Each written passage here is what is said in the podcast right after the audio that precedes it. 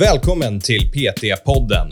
Podcasten för dig som vill lära dig mer om träning och hälsa. Mitt namn är Karl Gulla och jag är utbildningsansvarig för Sveriges största PT-utbildning, Intensiv PT. Ehm, ska väl också nämna när vi ändå pratar kortison att man ska ju vara väldigt restriktiv att spruta det på senor. Mm. Eh, till exempel om man har en eh, problem med en hälsena. Då ska man inte spruta kortison i hälsenan. Då är det risk för att eh, den går av. För att den blir atrofierad, alltså förtvinar. Aj då, det ska vi inte göra. Nej. Varmt välkomna till PT-podden allihopa. Idag kör vi ett avsnitt av Fråga Kirurgen där vi har med oss vår alldeles egna Alexander Hallgren som kommer svara på lyssnarfrågor. Det här är jättespännande och det är väldigt kul och idag kommer vi prata om bland annat kortisoninjektioner, om det är hiss eller diss. Vi kommer prata om vilken typ av vård man ska söka sig till och när. Och så kommer vi prata om vad de vanligaste typerna av idrottsrelaterade skador är. Det är ett roligt avsnitt. Varsågoda, nu kör vi.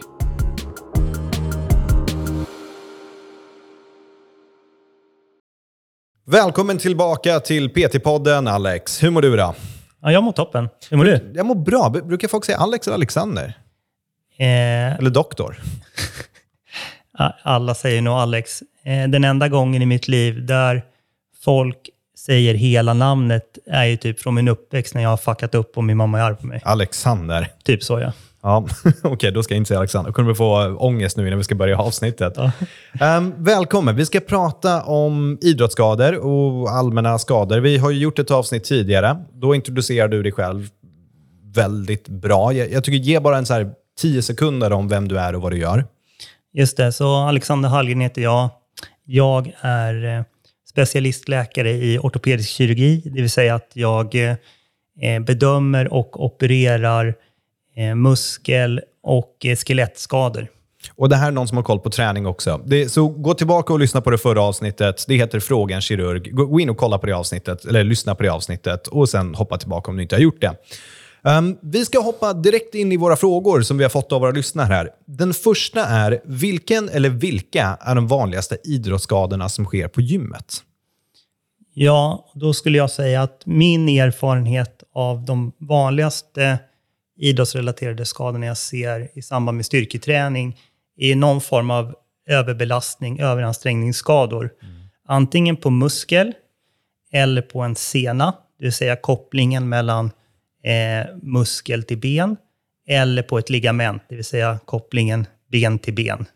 För att eh, förenkla. Om vi pratar eh, mer liksom kontaktidrott och kanske inte mer styrketräning på gymmet, då kan det ju vara en fråga om skador i form av dislokationer, att typ någonting har gått ur led, eller eh, att man fått en fraktur, ett benbrott.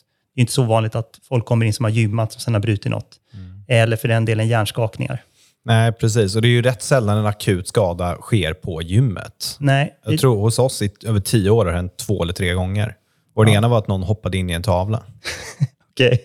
Ja, eh, eh, ja, man kanske inte ska ha så mycket tavlor uppe på väggarna på ett gym. Men vi hade precis blivit nominerade för Årets gym första gången. Så jag hängde upp en stor fin glastavla med glasram inne i boxen.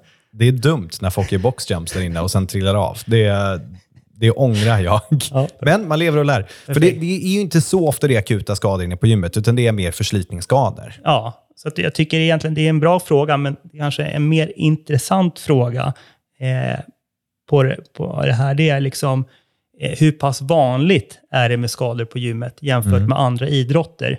Eh, och då kan man säga att eh, när man kollar studier på idrottsrelaterade skador, då kollar man ju framförallt på skador i axlar, ländrygg och knän. Eh, och då brukar man mäta i antal skador per tränad tusen timme. Så om man tränar tusen timmar, hur många, om man tränar tusen timmar, hur många skador eh, uppkommer då? Va, vad är att träna tusen timmar? Det, det måste ju vara år. Fem år. Ja, fyra år. Fyra år, 260. Mer intressant fråga är hur pass vanligt är det att man skadar sig när man går och gymmar eh, jämfört med andra idrotter? Och då kan man säga att eh, de studier som finns gjorda när man kollar på idrottsrelaterade skador är oftast en form av skada på, i axlarna, i ländryggen eller knäna, så att ta stryk. Och då mäter man eh, antal skador per tusen tränad timme i studierna.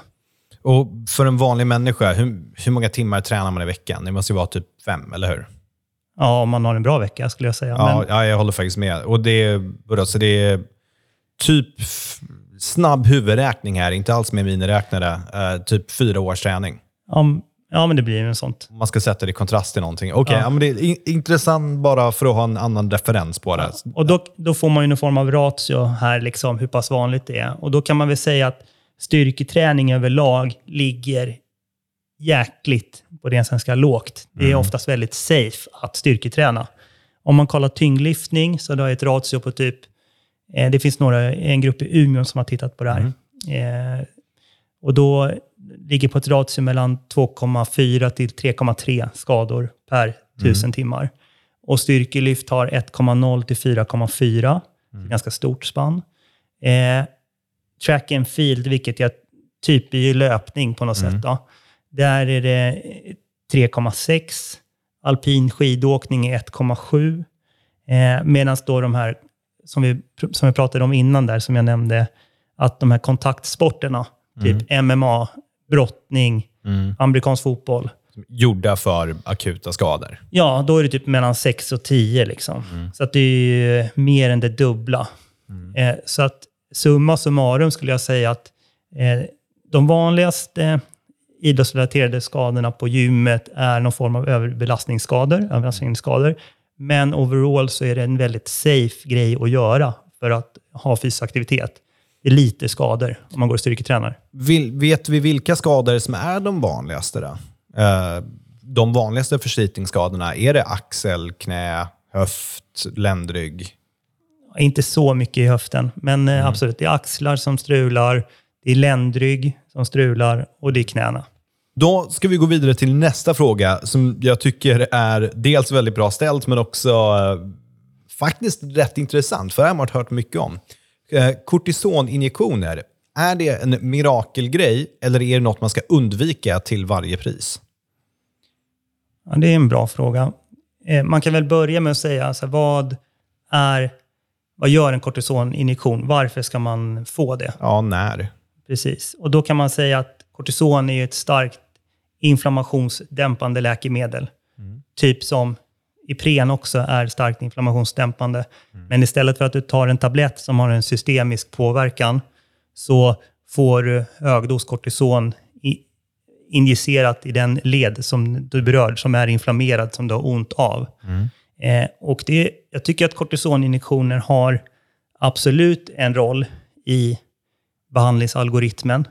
Men det ska också användas med viss betänksamhet. Eh, man har sett att för mycket kortison sliter ut leden också. Mm. Sliter ut brosket. Du får liksom en accelererad problematik med den leden som du bara sprutar kortison hela, hela tiden. Eh, så om vi till exempel pratar knän då, till exempel.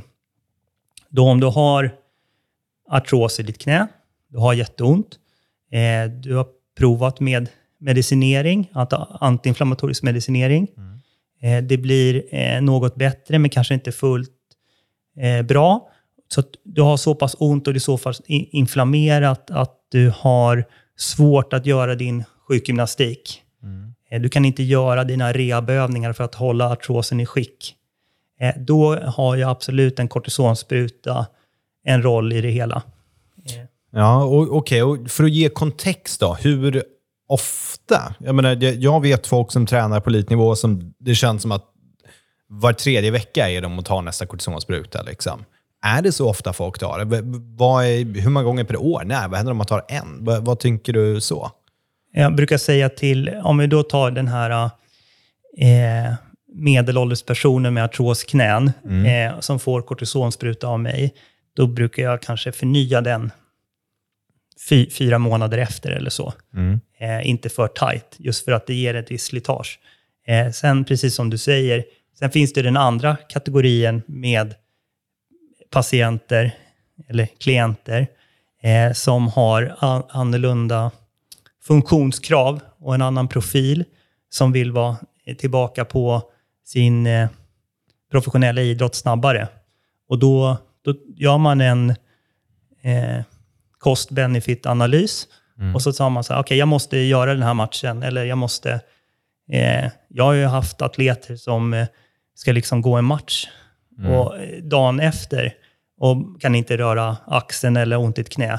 Och då har man fått underdos med kortison innan för att ens kunna göra det. Men då på ren svenska skiter man ju lite i långtidseffekterna. Ju. Utan då är det ju där och då det gäller. Men det är, det är ju som sagt väldigt ovanligt. De flesta är ju det här, det, va, det vanliga är det vanliga. Att man har de här denativa eh, broskförändringarna.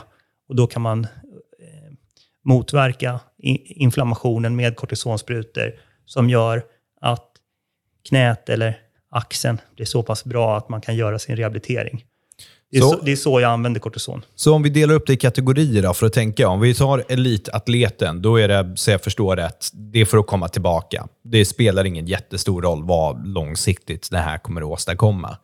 Det, den köper jag till 100%. Det är som med all typ av elitidrott. Ja. Det är ingen som tänker på liksom, ah, men nu, hur, hur kommer den här leden Mm. vara om tio år? Nej, men, men det är någonting annorlunda som Mm. sagt. Och sen så har vi, låt oss ta äl, liksom, det degenerativa äldre personer eller folk som sparar kropp börjar säga ifrån. Då har vi en tydlig funktion för det. Och där tror jag man kan lita på läkaren. När man sen kommer till någonstans här mittemellan då? Alltså folk som är, säg 25 till 35, de kanske inte elitsatsar, men de börjar få problem någonstans, men de vill kunna fortsätta träna. Hur borde de resonera? Det kanske går att lösa med rehab, men eh, det kanske tar för lång tid, till exempel. Ja, man får ju börja med eh, rehab och riktad fysioterapi. Mm. Och sen om det inte går framåt, då kan man ju ha en diskussion med sin behandlande läkare om man ska ta kortison eller inte. Men Mm. jag, jag, kan, jag kan inte ge någon form av golden standard Mm. eh, när man ska använda och inte, utan det ska ju vara det är något man ska be, eh, bedöma och eh, komma i samråd med sin behandlade doktor att ta. Okej. Um, vad är det folk är rädda för då, med kortison? För det har ju både den här, ja vad bra, men också, oh vad försiktigt, ta inte för mycket. Det är att det inte kommer funka sen, eller att vi sliter ut leden för att vi använder injektionen. Det är väl snarare det, det, eh, det sistnämnda du sa där, att det ger ett visst slitage. Man har ju sett det, att det inte är allt för bra att spruta kortison för ofta, för mycket intraartikulärt, alltså in i leden. Sen ska jag väl också nämna, när vi ändå pratar kortison, att man ska ju vara väldigt restriktiv att spruta det på senor. Eh, till exempel om man har en eh, problem med en hälsena, då ska man inte spruta kortison i hälsenan. Då är det risk för att eh, den går av, för att den blir atrofierad, alltså förtvinar. Aj då, det ska vi inte göra. Nej. Så att, eh, det, det beror ju på lite, men det kanske finns eh, lägen där man väljer att göra det också. Men det är ju också, precis som vi har pratat om innan, här yttersta elitskiktet av atleter, där man väljer att göra den bedömningen för att han eller hon ska göra den formen av tävlingen. Men till vanliga liksom, motionärer ska man vara lite restriktiv med att spruta kortison mot senor. Okej, men då tror jag vi hoppar in. Det här är en ganska bra gateway in till nästa fråga. För du kanske lyssnar på det och tänker, oh gud vad bra, de pratar om kortisonsprutor, jag har problem med mitt knä. kan det här lösa det? Då är svaret kanske. Så till nästa fråga då, som är i din uppfattning av vad du jobbar med. Det finns ju väldigt många olika, nu gör jag frågan lite större för vi ser, men det finns ju många olika som jobbar inom primärvården. Så då är frågan här helt enkelt, eh, enligt dig, när ska man gå till respektive yrkesutövare? Läkare, kiropraktor, fysioterapeut och sen antar jag att vi också har osteopat och personlig tränare och naprapat. Mm. Eh, som du säger, Kalle, det är en väldigt bred fråga. Eh, det beror ju helt på vilken typ av skada det gäller. Alla de här olika yrkesgrupperna eh, grupperna har ju olika kvalifikationer och är bäst på sin grej. Det är ju ingen som eh, behärskar allt och eh, ensam är stark, utan det handlar ju om någon form av teamarbete. Eh, en läkare kan ju hjälpa dig med medicinering, man som läkare kan ju då skriva ut smärtlindring om det behövs. Eller ge kortisonspruta för att återkoppla till föregående fråga. Kanske ha hjälp med om man måste vara sjukskriven för sin skada. Eh, eller för den delen bedöma slash planera för eh, operation. Eh, eh, det är väl det som en läkare kan erbjuda när det kommer till idrottsrelaterade skador. Mhm. Eh, Medan liksom fysioterapeuter, kiropraktorer, naprapater, personlig tränare kan ju hjälpa, hjälpa oss som doktorer att följa patienter, behandla dem konservativt, det vill säga icke-kirurgiskt, instruera, motivera till liksom rehabilitering. Eh, och sen, eh, jag kan väl ta liksom exempel då från, från min vardag. Mm.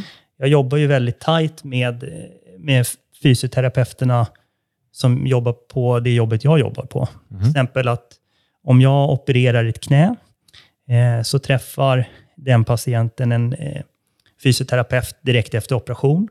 Och de kopplas upp liksom med varandra. Och sen när jag kanske har ett återbesök med patienten generiskt ett, då, tre månader efter operation, då har jag det tillsammans med sjukgymnasten i gymmet på jobbet. Mm. Där patienten i fråga gör styrkeövningar framför mig och kan beskriva sig. Knät känns jättebra i det här läget, men inte i det här läget. Och då kan fysioterapeuten säga, vi har jobbat mycket på det där. Det här var segt i början, men det har börjat komma tillbaka. Plus att om det är någonting i rehabiliteringen som inte går fortskrider som man vill, så, kan, så har jag alltid jag en dialog med fysioterapeuterna. Vad häftigt. Det visste inte jag. Att du är så hands-on efter en operation. Ja, men det är, det är många kliniker som arbetar så, som har liksom idrottsskadeinriktning. Eh, Vilket såklart är, är jättebra. Så hur ska nu en PT tänka om deras klient kommer och säger jag har börjat få ont i axeln och så har det varit så i två, tre veckor. Man kanske har gjort någon, Det, liksom man får inte få hum om det eller man känner smärta är inte det jag ska jobba med för jag är PT. Var tycker du att de ska gå vidare med personen i första steget? Då tycker jag att man ska eh, börja med att få en bedömning av en fysioterapeut. Så som PT då, ibland har vi ju klienter som har smärta och det kan vara oförklarligt exakt vad det är och vi kanske inte vill handskas med det. Det här passar ju rätt bra med vår nästa fråga, vilket är hur ska man gå tillväga om man har en, idrotts, om man har en idrottsrelaterad skada? Är det vårdcentral, akutmottagning, söka specialist? Var tycker du man ska gå i första stadiet? Nu tycker jag följande, att man måste dela upp det. Det är akut, det är alltid akut. Så låt oss säga att man är på gymmet och eh, gör boxhopp och hoppar in i en tavla på väggen och axeln luxerar. Inget gym skulle vara så dumt att de hade en tavla på väggen. Eh, eller bryter fotleden eller motsvarande. Alltså en akut skada, akut trauma. Då eh, tycker jag att eh, man ska uppsöka en akutmottagning. Eh, I Stockholm har vi det som kallas även för nära akuter. Med någon form av akutvård för att få det röntgat och bedömt. Eh, det, det akuta är det akuta så att säga. När det ha- handlar om lite mer kroniska besvär, exempelvis att man har haft liksom lite ont i ländryggen i några veckor, du har haft en axel som har strulat utan att du liksom har egentligen gjort det illa.